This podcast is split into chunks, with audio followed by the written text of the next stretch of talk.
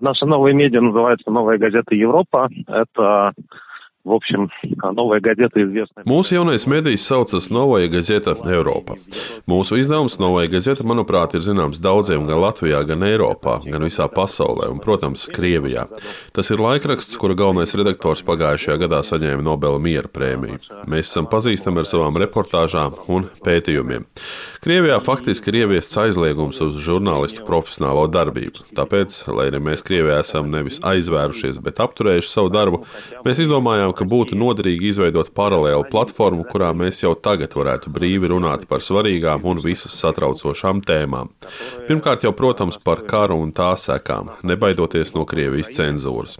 Šim mēdījam būtu jākļūst par balsi tiem Krievijas iedzīvotājiem, tiem krievalodīgajiem un tiem krieviem, kuri šajā karā atbalsta Ukrainu un Eiropu, un kuriem miers un spēja sadzīvot ar saviem kaimiņiem ir tāda kā bāzes lieta. Un tas viss par spīti tam, ko saka Krievijas propaganda. Что говорит пропаганда, в частности, российская пропагanda. А на каких платформах будет... Kādas mēdīju platformas būs atrodams šis jaunais mēdījis? Vai tā ir interneta mājaslapa, YouTube kanāls, Facebook lapa? Kas konkrēti? Конкретнее. Мы открылись сейчас как совокупность социальных сетей, в первую очередь для русскоязычных. Mēs pašlaik esam atvērušies kā vairāk sociālo tīklu apkopojums. Krievijas auditorijai pirmkārt tas ir Telegram, kurš joprojām nav pakļauts cenzūrai. Tāpat tas ir YouTube kanāls un Twitter, kuru mēs redzam kā pirmo daudzvalodīgo kanālu. Tur mēs runāsim ar saviem lasītājiem ne tikai krieviski, bet arī angliski, vāciski un ļoti ceram arī latviski. Šajā nedēļā mēs palaidām arī mūsu mājaslapu, un tā kā mēs tomēr esam avīze, mums gribētos kaut ko izdot arī drukātā formā formātā. Varbūt ne kā avīze, kas iznāk vienu vai vairākas dienas nedēļā, bet kā mūsu labāko darbu apkopojumu.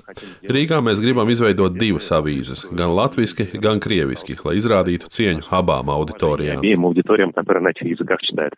Назовите, пожалуйста, Un kāda ir jaunas mājas lapas adrese? Новая Новая European Union. Расскажите нам о вашей команде. Pastāstiet lūdzu par savu komandu.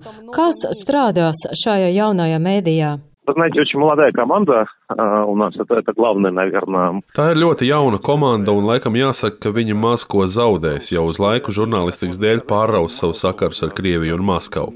Diemžēl mēs lielāko daļu no šiem cilvēkiem esam spiest turēt noslēpumā, jo Krievijas varas iestādes var piemērot pret viņiem sankcijas par godprātīgu sava darba pildīšanu.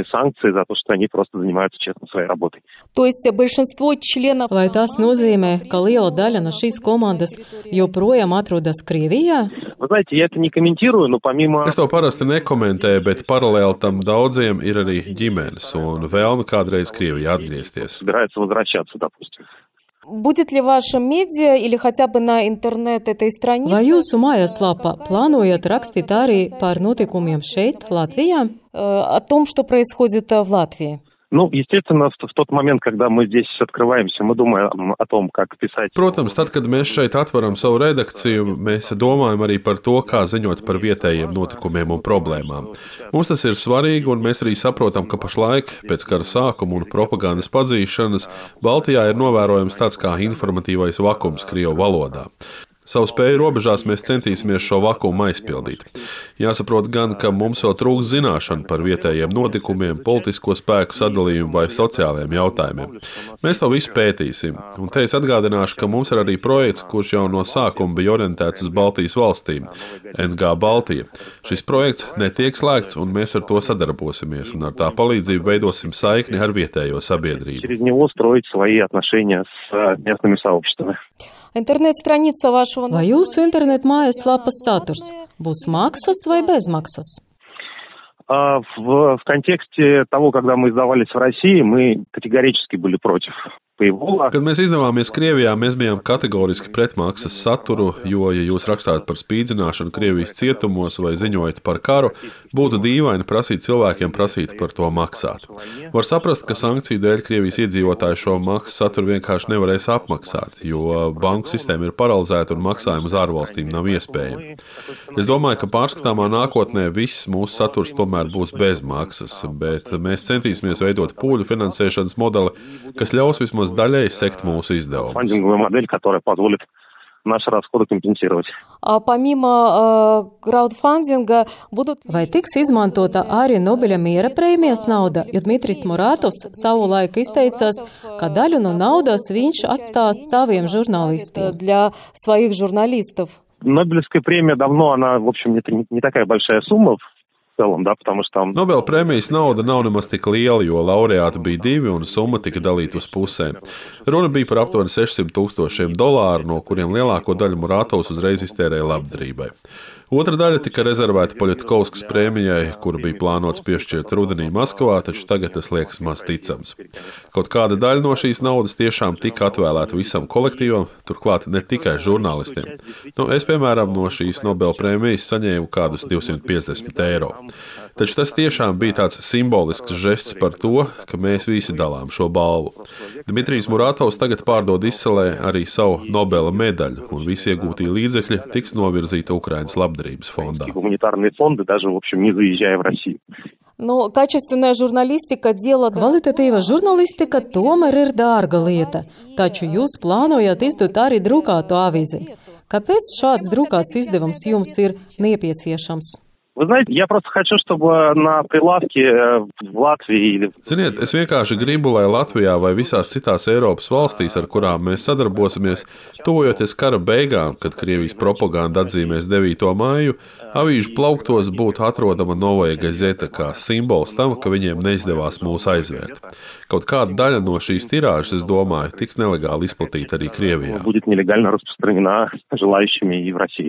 Будет нелегально распространена желающими и в России. Bāzi для вашего... Par savu bazēšanas vietu jūs esat izvēlējušies Latviju. Kāpēc?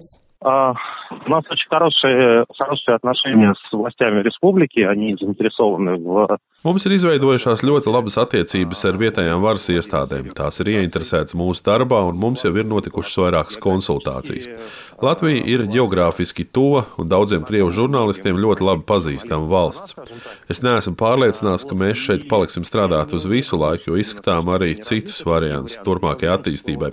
Taču esmu pārliecināts, ka mēs vienmēr atcerēsimies visas tās lietas, lietas, kuras mūsu labā dara Latvija. Tāpēc mēs centīsimies vienmēr sadarboties un izpildīt arī savu profesionālo pienākumu pret Latviju.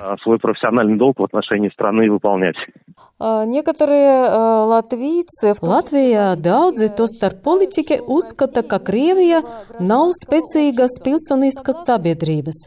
Vai jūs tam piekrītat? Да, это такая травма, знаете, вот этого постимперского государства, общества у нас. Jā, tā ir tāda pēcimpērijas valsts trauma. Pēc 91. gada pie mums tika uzskatīts, ka tie, kuri grib iesaistīties kaut kādos sabiedriskos projektos vai nodarboties ar politiku, ir tādi kā dīgdieņi, krāpnieki, kur grib ievilkt cilvēku savos netīrijos darījumos. Tāpēc Krievijas iedzīvotāji deva priekšroku tam, lai interesētos par citām lietām, nu, piemēram, par savu labklājību vai remonta kvalitāti dzīvokli stāvoklī.